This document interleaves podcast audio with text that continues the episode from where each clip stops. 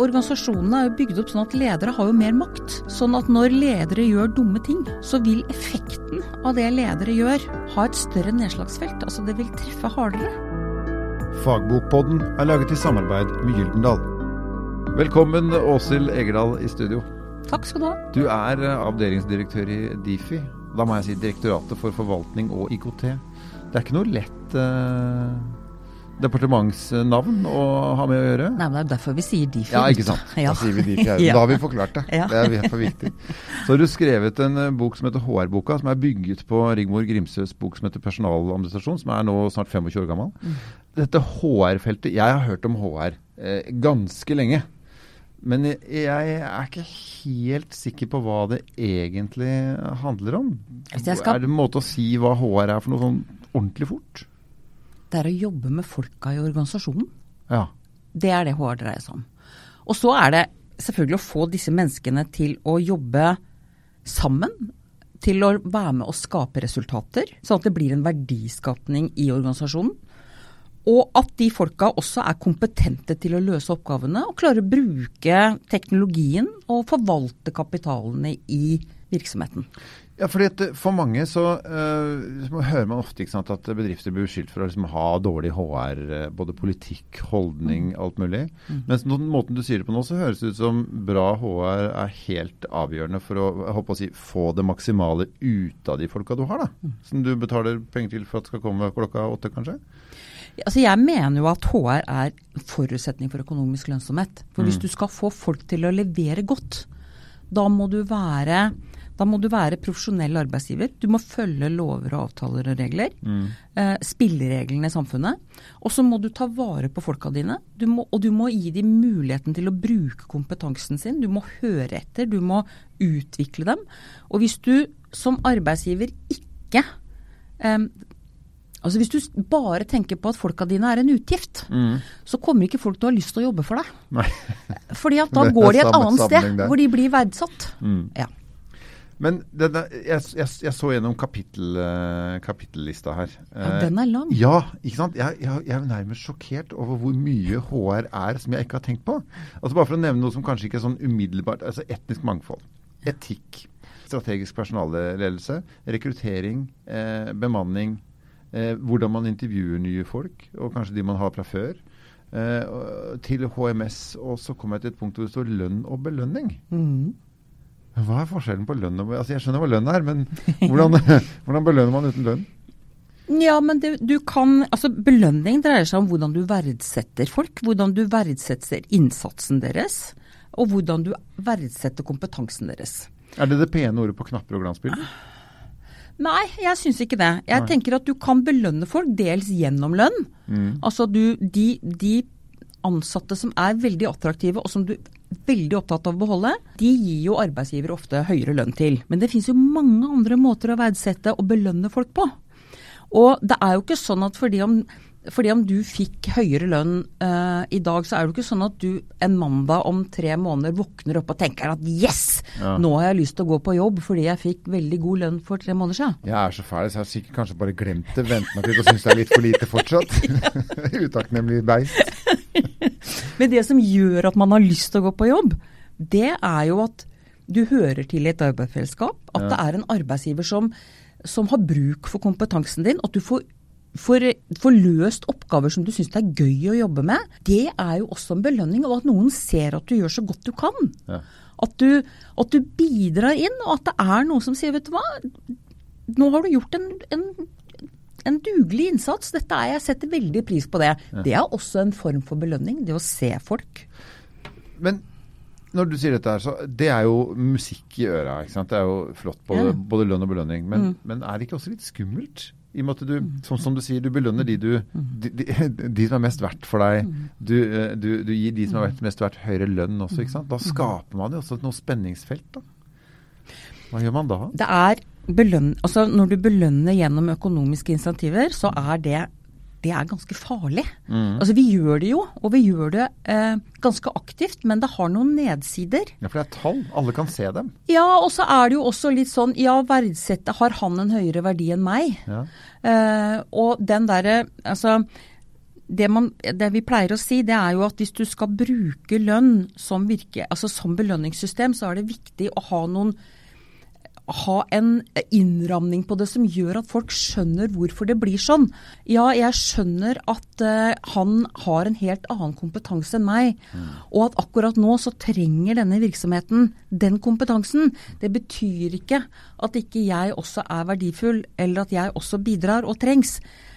Men det er et vanskelig felt? ja, det er et kjempevanskelig felt. Og det der å oppleve Jeg tror det der med urettferdighet, det treffer et eller annet helt sånn menneskelig grunnleggende ja, i oss. Ja, ikke sant. Se på småunger. Eh, ja, ikke sant. Han får to marshmallows, jeg får bare én. Det er jo verdens katastrofe. Og den, vi bærer jo med oss den der. Jeg tror jo at vi skaper vår egen verdi i relasjonen til andre mennesker. Hvis noen sier at ja, men jeg verdsetter den personen mer enn jeg verdsetter deg, så ikke det, gir ikke det deg noen god følelse. Og det er jo det farlige ved belønningssystemer. Mm. Og så er det hvem som har belønnet òg. Og hvorfor. Ja. Organisasjonene er jo bygd opp sånn at ledere har jo mer makt. Ja. Sånn at når ledere gjør dumme ting, så vil effekten av det ledere gjør, ha et større nedslagsfelt. Altså det vil treffe hardere enn om en kollega gjør dumme ting. Denne HR-boka som du har skrevet, mm. eh, har du skrevet den til ledere først og fremst? Nei, den er skrevet til de som jobber med HR.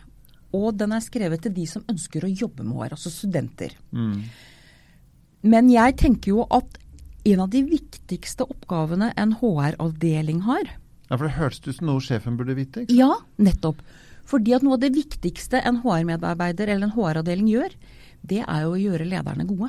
Mm. Det er å hjelpe lederne både til å følge, altså forstå spillereglene, men også veilede lederne i det å utøve personalledelse. Mm. Fordi mye HR-arbeid utøves jo også av ledere. Fordi at det dreier seg om å behandle folk. Det operative eh, leddet. Ja. ja. Men denne, altså, vi sa kapittellista er lang her. Eh, nærmest et oppslagsverk. Eh, på en måte. Altså Her kan du gå inn ja. på arbeidsrett, du kan gå inn på ja. medbestemmelse og ansvar, mm. eh, personalpolitikk osv. Mm. Men du kan også gå inn på det nye arbeidslivet. Ja. Eh, fordi, og da tenkte jeg der du sier at det, det, å være en del av noe, det å være liksom altså Innleide konsulenter har vi hørt mye om. Um, ja. Det å outsource, altså et uh, fint ord som kom mm. til oss for noen år siden, år, år siden. Men som jo betyr at ting enten gjøres andre steder eller av andre folk eller utenfor virksomheten. Mm. Eh, hvilke tanker gjør det deg rundt eh, at vi på en måte fragmenterer virksomhetene i, i mye større grad nå enn tidligere? Før så jobbet du kanskje på et verft. ikke sant? Det var 3000 stykker som jobba der. Og så mm. ringte klokka klokka sju på Aker Mekaniske, og så gikk alle mm. til uh, sine arbeidsplasser. Mm. Nå ser det jo ikke sånn ut lenger. Nei. Jeg tenker jo, altså dette er jo et, dette er, altså Det nye arbeidslivet er et stort tema. og det, Jeg tror det treffer alle alle oss som jobber. Mm. Eh, på, når jeg begynte å jobbe på 80-tallet, da var det jo sånn at man hadde Man sa at nå skal vi gjennom en organisasjonsutviklingsprosess. Den skal nå vare i tre måneder. Og når vi var ferdige etter tre måneder, da var case closed. Og ja, vi, det var da, ikke endring på Da hadde vi sju-åtte år på oss. Eh, helt riktig. Ja. Mens nå tar jo ikke dette her slutt. Nei. Det holder på hele tiden. Og de endringene vi står i, de er så store at det gjør jo at folk får eh, eh, En del mister jobben, folk mm. blir overtallige. Eh, en del har sliter med å finne innpass. Eh, en del gruppemedarbeidere er så kritiske at de, blir, de får høy belønning, og arbeidsgivere satser alt på å beholde dem fordi det er hard konkurranse om dem. Ja. Så du får et veldig Du får et, et arbeidsliv som er Altså dette fellesskapet som man på en måte kanskje Som norsk arbeidsliv var mer kjennetegna tidligere. Det litt romantiske fellesskapet? Ja, det fragmenteres litt. Altså ja. Det blir litt A og B og C og D-lag. Og D-laget det er de som ramler ut og som ikke kommer seg inn igjen. Du snakker om rett og slett en hardere, mer nådeløs konkurranse innenfor virksomheten? Ja, det tror jeg. Det tror jeg. Og jeg tror for eh, Altså i privat sektor så er jo konkurransen og jaget etter å ha god fortjeneste, den har akselerert. Altså den, det er større trykk på det. Og det er ganske mange, mange bransjer som går gjennom store omveltninger. Altså, den, den, altså, I og med at jeg sitter her nå, så tenker jeg på mediebransjen. Mm. Altså, det er jo en helt vanvittig omveltning som har skjedd ja, i den bransjen. Ja, Den visste jo ikke hvilket bein den sto på plutselig. Nei. Uh, og dette for, for, å ta med mer enn mediebransjen, altså, dette blir jo også kalt for den industrielle revolusjon 4. Ja. Eh, så, så, det er ikke noe mindre enn det. Nei. Og noen mener også at omveltningene nå i forhold til digitalisering osv. Er, er større og mer omfattende enn noe har vært tidligere. Mm. Så, så, det er klart, jeg tror nok du har dine ord i behold ja. med de tingene. Men, hvordan, men, men, men, det å tenke på en måte HR som bedriftsledelse eh, i et sånt landskap mm. kan jo også by på noen utfordringer som man kanskje ikke altså Allmøtet har ikke nødvendigvis allmøtets funksjon lenger. da. Alle er ikke der. Mm. Mm. Er det ulike måter man må bruke jo, faget på? Ja, det tror jeg. Og jeg tror at de arbeidsgiverne som tar vare på folka sine, mm. som, eh, som er ryddige, ordentlige, også når de må eh, se seg nødt til å nedbemanne, men at de kjører ryddige, gode prosesser på de tingene. Jeg tror veldig mange arbeidstakere har lyst til å jobbe hos en arbeidsgiver hvor de føler seg ivaretatt. Mm. Og jeg tror også at i det arbeidsmiljøet hvor du føler deg ivaretatt, så har du også lyst til å bidra. Mm. Du har lyst til å yte mer, og du har lyst til å brette opp armene og bidra også når det, når det strammer seg til. Altså når, når det ikke bare er gøy? Ja. Eh, på det der å Ja, men nå skal vi gjøre dette her sammen. Eh, det, den mobiliseringskraften, den tror jeg du klarer å utløse hvis folk føler at de hører til. Mm. Ja. Det er hyggeligere, det. Ja, det er det. Ja, har kapittel, Du har et eget kapittel også som, som handler om nedbemanning. Det er jo et, et vondt ord for de aller fleste. Ja. Sier du at det går an å gjøre det på en bra måte? Altså Arbeidsgiveren på en måte beholder respekten og attraktiviteten selv for den som er nedbemanna? Ja, altså Det finnes jo mange ulike nedbemanningsprosesser. Men hvis man snakker om liksom sånn type overtallighetsnedbemanningsprosesser mm. nå, må, nå, må, bedriften gjøre noe med dette utgiftsbildet, ja. fordi at det har endra seg på no, noe annet. så Hvis ikke vi gjør det, så synker alle. Ja, Høylønnskostnader. Den, den, Ja, den reale måten, ja. bakgrunnen ja. for det. Ja, da mener jeg jo at det å kjøre prosesser hvor man både har gode informasjonsprosesser, hvor man er tydelig på hvilke kriterier, hva er det vi må legge til grunn når vi skal nedbemanne. Mm. Um, det å ha um, um, hjelpe folk som, som, står i fare for å, å, gå ut, eller man har definert som de som skal slutte. At man hjelper dem med um, å søke jobber, at de får et jobbsøkerkurs. Mm. At, de får, um, at, de får, lov til å snakke om um, hvor hva dette gjør med dem, og hva det gjør med livene deres. At arbeidsmiljøet og organisasjonen også rommer de prosessene. Og at man også har en bevissthet om de som blir igjen. For hvis arbeidsgiveren glemmer de som blir igjen, så kommer produksjonen til å Altså, veldig mange eh, Altså det som viser seg i nedbemanning, det er jo én ting er at folk slutter. Og man har et fokus og man syns synd på de som slutter. Men det er også egentlig ganske synd på de som blir igjen. Ja, Og som skal gjøre jobben sin samtidig. Ja. Fordi at all, altså Det som veldig ofte skjer, er jo at produksjonen går ned. Mm. Altså Folk blir lei seg. Og de føler seg kanskje også trua. Ja, for det, alle som har vært i en uh, bedrift som har vært gjennom nedbemanninger, mm. kjenner på en sånn helt sånn uh, uh, ganske intens sorg. Ja. Når pultene er tomme ja. Eh, og datamaskinene står der, og ingen skrur dem på. Ja.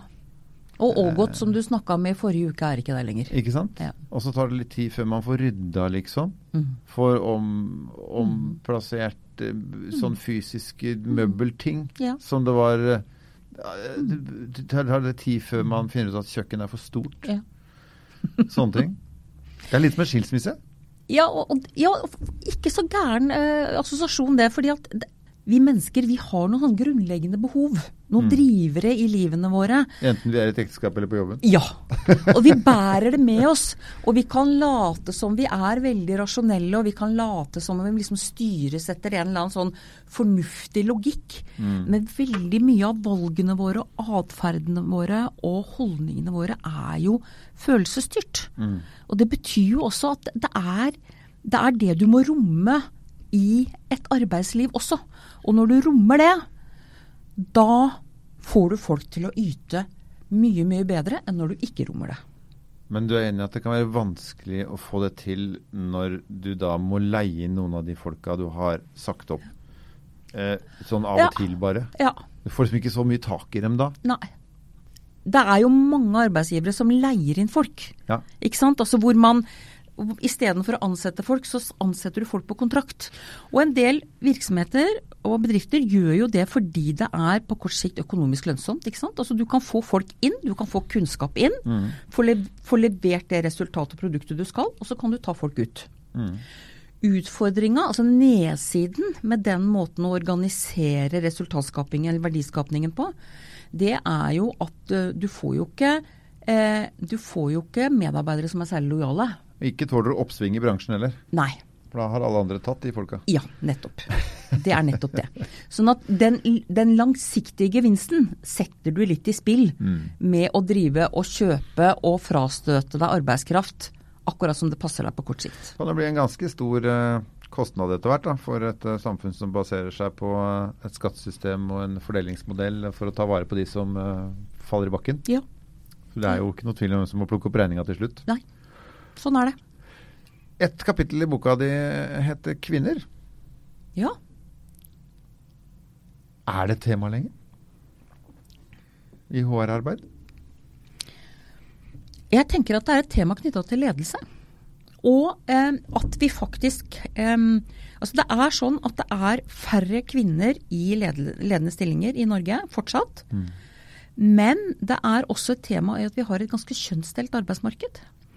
Eh, det er eh, det er veldig mange bransjer er, hvor, du, hvor du nesten ikke finner det andre kjønnet. Og jeg tenker at det ikke er bra. Jeg, jeg tror at du får et hyggeligere, mer dynamisk og spennende og bevegende arbeidsmiljø, og dermed også klare å skape bedre resultater hvis du har med deg mangfoldet. Hvis du har med kvinner og menn, og hvis du også klarer å åpne opp for eh, de, de nye landsmennene våre. Altså innvandrerne, ja. folk med ulik type bakgrunn som kommer fra andre land.